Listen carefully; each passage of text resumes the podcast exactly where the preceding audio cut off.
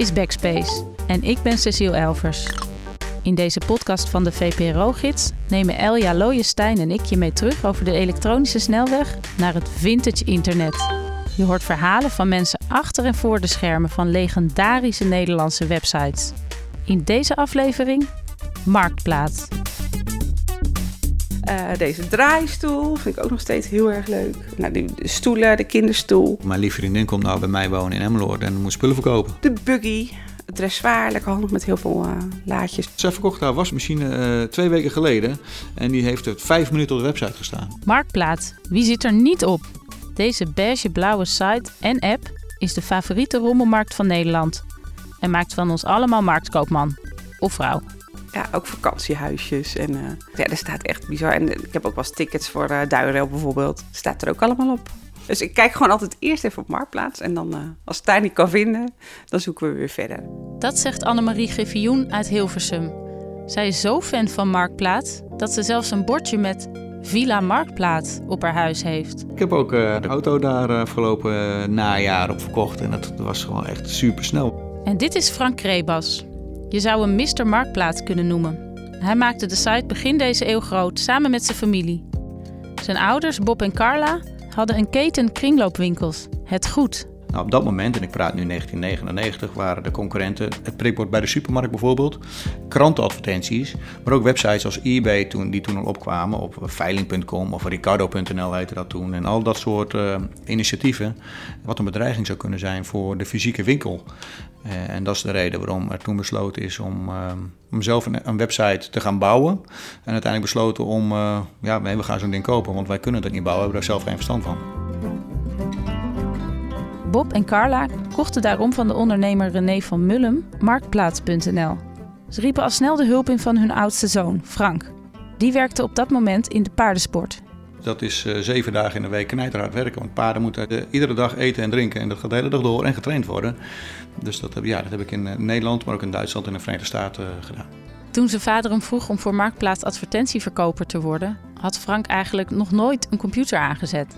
Ik had nog niet de kans gekregen in mijn leven om met internet iets te doen. Dus ik, uh, iedereen had nog geen PC thuis of zo, lang niet iedereen. En laat staan een mobiele telefoon waar je uh, toegang mee had tot het internet. Dus het hele internet was totaal onbekend voor mij. Dus ik zat dag en nacht bezig met de sport. Dag en nacht draaide voor mij om winnen. En uh, internet, ja, nee, niet. Ik vond het wel super gaaf en heel spannend dat ik de kans kreeg om met internet uh, bezig te gaan. En ik heb me ook, toen ik die baan kreeg, heel erg snel uh, internet eigen gemaakt. Ik had wel heel snel het gevoel dat ik een affiniteit ermee had. Uh, ik heb alle tijdschriften, boeken, alles erover gelezen. En nou, op, die, op die Apple iBoeken zitten rotzooien en kijken hoe dat dan allemaal werkte. De paardensportman werd internetondernemer. S'morgens was ik nog paardenbox aan het mesten. En daarna ging ik naar mijn werk. Dat was bij Marktplaats. En dat was uh, in Emmeloord. En een, uh, achteraf in een loodsje. Waar wij als het goed kleding sorteerden. En er was een hokje met een heel klein raampje. Uh, waarin ik dan mijn kantoor had. En ja, daar gebeurde het. Mijn broer deed de HES in Amsterdam, Robin. En die lag op de bank pizza te eten. En die is letterlijk ook van de opleiding gehaald in Amsterdam om ook in het bedrijf aan de slag te gaan. Het eerste wat de familie Krebas deed, was de seksadvertenties van Marktplaats afgooien. Dat was een hele gewaagde keuze, ook wel een spannende keuze, omdat uh, de seksadvertenties uh, niet alleen leuk waren om naar te kijken, maar ook gewoon uh, boel traffic leverden. En die hebben we weg moeten snijden. En het was dan wel wel spannend. Nou, we hebben de website in, in, in die tijd in, voor 650.000 gulden gekocht. Nou ga je dan een kwart of meer van je traffic wegstoppen doen door, door die seksadvertenties eraf te gooien. Dat was wel spannend. Maar wij wilden, het is belangrijk om bij je eigen waarde te blijven. En, wij, en een van de dingen waar wij voor stonden is van toegankelijkheid. Toegankelijkheid voor het hele gezin. Ik denk als wij er een halve porno-site van hadden laten maken, dan waren we nooit zo groot geworden. Want we hadden heel veel mensen de website niet durven gebruiken. Dan was het een taboe om marktplaats te gebruiken. Oh, je gaat om die seksdingen kijken. En dat wilden we absoluut voorkomen.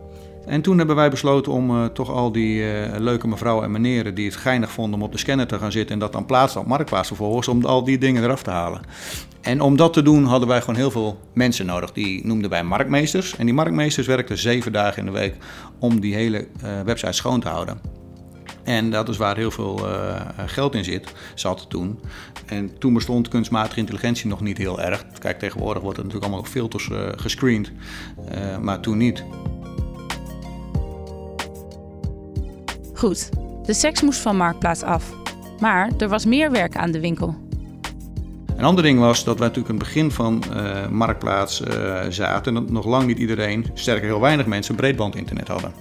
Glasvezel was iets waar je van kon dromen. Dus wij moesten er heel veel aan doen om de website snel te houden. Want hoe sneller, hoe beter, hoe, toegankelijker die zou zijn. En net zo toegankelijk als een normale fysieke winkel zoals het goed. Dus hebben wij heel veel uh, geïnvesteerd in servercapaciteit. Om die website snel en toegankelijk te houden. En uh, dat was al een bottleneck voor ons, omdat vooral die pieken op zondagavond was het heel druk. Op maandag was het een hele drukke dag. Uh, nou, dan zag je echt gewoon de meters in het rood gaan en het zo, zo druk werd. En dat was, die servers die, die begonnen bijna te stomen, joh. dat was gewoon iedere zondag crisis. Ja, verschrikkelijk gave tijd. Marktplaats was voor gebruikers al die tijd gratis geweest. In 2003 kwam daar verandering in. Iedereen die een product van meer dan 200 euro aanbood, moest 6 euro per advertentie gaan betalen. En wat we toen echt hebben geleerd, en dat vind ik een hele belangrijke les, is dat uh, gratis een soort van waardeloos is. In de perceptie van internet, of van, van mensen in het algemeen, denk ik, is als iets gratis is, heeft het ook geen waarde. En op het moment dat wij uh, een betaalde website werden, uh, gingen we harder dan ooit daarvoor groeien. Omdat mensen het een waarde toekenden. En we werden natuurlijk uitgelachen in het begin, voordat we het gingen doen van, ah, jullie gaan een hartstikke stuk, want je gaat geld vragen. Nou, wij hebben een boel mensen daarna knijter uitgelachen. De datum vergeet Frank nooit meer. 12 maart 2003 was de exacte datum. Dat Marktplaats een betaalde website werd voor consumenten ook. En uh, wauw, toen hadden we opeens een geldmachine. Waarbij het eerst echt verschrikkelijk veel geld kostte, hadden we toen opeens een geldbal, een geldmachine, letterlijk. En natuurlijk uh, zaten we er bovenop, want iedereen uh, probeerde, iedereen als in de, de, gebruikers van de website, probeerde toen te voorkomen om te betalen op de website. Dus er waren auto's, werden opeens voor 199 euro aangeboden en dat is de gekkigheid allemaal. Wij moesten gewoon letterlijk onze klanten opvoeden. En het hele team heeft daar dag en nacht, 24 uur per dag zaten er bovenop om een goede banen te leiden. Pizza's werden aangesleept hier vanuit Emmeloord. Dat is echt zoals je een, een, een jonge dotcom kan voorstellen. En ja, het was fantastisch. En hoe was het om opeens heel rijk te zijn? Uh, dat vond ik niet zo. Ja, het is een heel geinig idee, maar het is om heel rijk te zijn, vond ik op dat moment niet zo belangrijk. Ik kwam uit de sport, ik vond winnen belangrijk. Ik vond het belangrijk dat ik een winnende combinatie uh, had waar ik aan werkte. Dat vond ik belangrijk. En was het ook een tijd van veel feesten of vooral heel hard werken? Het was vooral een periode van knijterhard werken en heel veel feesten. Dat gebeurde dan vooral in het Amsterdamse, daar in de regio, de, de dotcom companies. Uh, wij zijn uh, in Emmeloord, ook bewust in Emmeloord altijd blijven zitten. En wij hebben niet zo'n feestcultuur. We houden weliswaar van pils, maar dat hoeft niet iedere dag. En ook niet altijd op luxe feestjes. Dat kreeg op een gegeven moment in een later fase wel een beetje... Toen we met eBay gingen samenwerken, kwam dat wel meer die, onze cultuur in. Maar in onze vroegere marktplaatsperiode absoluut niet. eBay, de Amerikaanse veilingsite, kocht Marktplaats uiteindelijk in 2004. En toen is de voormalig CEO van, uh, van eBay, Meg Whitman heet die vrouw, uh, die uiteindelijk ook nog in de running is geweest om governor van, uh, van Californië te worden, naar Emmeloord gekomen met de privéjet. En die wilde het hier wel eens willen zien. En het was hier één grote bende, totdat wij hier op de bovenste etage gezeten hebben met haar. En ja, een verschrikkelijk goed gesprek over waar, over wie we zijn en waar we naartoe willen. En dat is waar de onderhandelingen zijn begonnen. Die hebben we uiteindelijk in de Verenigde Staten voortgezet en daar hebben we de deal gesloten. 224,5 miljoen euro. Voor dat bedrag verkocht Frank Marktplaats. De deal maakte hem financieel onafhankelijk voor de rest van zijn leven. Hij was toen 28 jaar. Na de onderhandelingen, toen we die deal gesloten hebben, en dat, dat heeft een uurtje geduurd uh, uiteindelijk, uh, denk ik, uh, lag ik in een zwembad. Wauw, dit is wel heel bijzonder. En toen dacht ik van, nou, dan ga ik mezelf ook maar eens verwennen. Dus toen heb ik een, een Oakley zonnebril gekocht in een winkelcentrum in Amerika. En toen had ik wel iets van, ja, fuck, dit kan ik zo vaak doen als ik wil. En dat was, dat was wel een hele mooie openbaring. En langzaam uh, ja, werd ik wel heel erg bewust van wat het zou betekenen. En geld hebben vind ik vooral een verantwoordelijkheid. Het past niet bij ons in de familie om daar heel grootsig mee te doen en een jacht in uh, te kopen en in Saint-Tropez de rest van mijn leven te spenderen. Wij willen vooral ondernemen. En dat is waar we gewoon mee doorgaan zijn.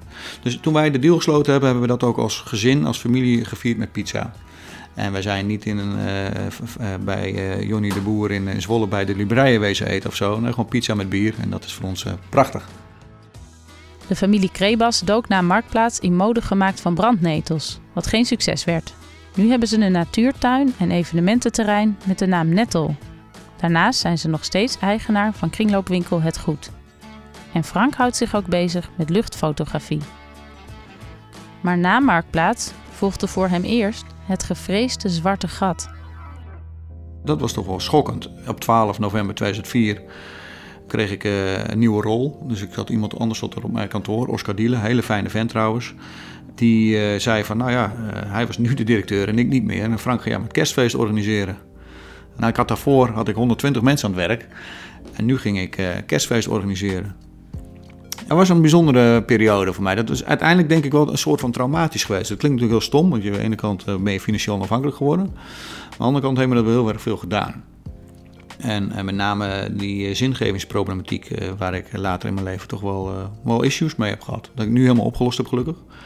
Maar dat vond ik wel lastig. Kijk, je bent 28 en je hebt al het geld in de wereld wat je, wat je zo iets, alles mee kan doen. Maar ik wil er ook toe doen. Ik wil ook dingen doen. En ik, ik was jaloers op mijn vriend die loodgieter is. Dat hij s'morgens weer lekker ging loodgieten. Ja, maar ik wil ook werken. Ja, maar je hoeft niet, Frank. Ja, maar ik, ik wil wel werken. Dus dat heb ik wel een beetje meegestreden in mijn leven. Waar ben je het meest trots op? Ik ben het meest trots op uh, dat Marktplaats eraan bijdraagt aan uh, het stimuleren van hergebruik van, uh, van artikelen. En dat is een van de, van, de, van de grote missies van het kringloopbedrijf het goed geweest. En dat, bedoel, deeleconomie is nu iets verschrikkelijks normaals. Voorheen was dat wat, wat, anders. Ik ben zelf opgegroeid als zoon van kringloopwinkelaars, zeg maar, noem ik maar even. Dus ik was de enige samen met mijn broer op school met tweedehands kleding aan. Ik vind het gaaf dat dat gemeengoed is geworden. Annemarie, de marktplaatsfan die in Villa Marktplaats woont, is het met Frank eens.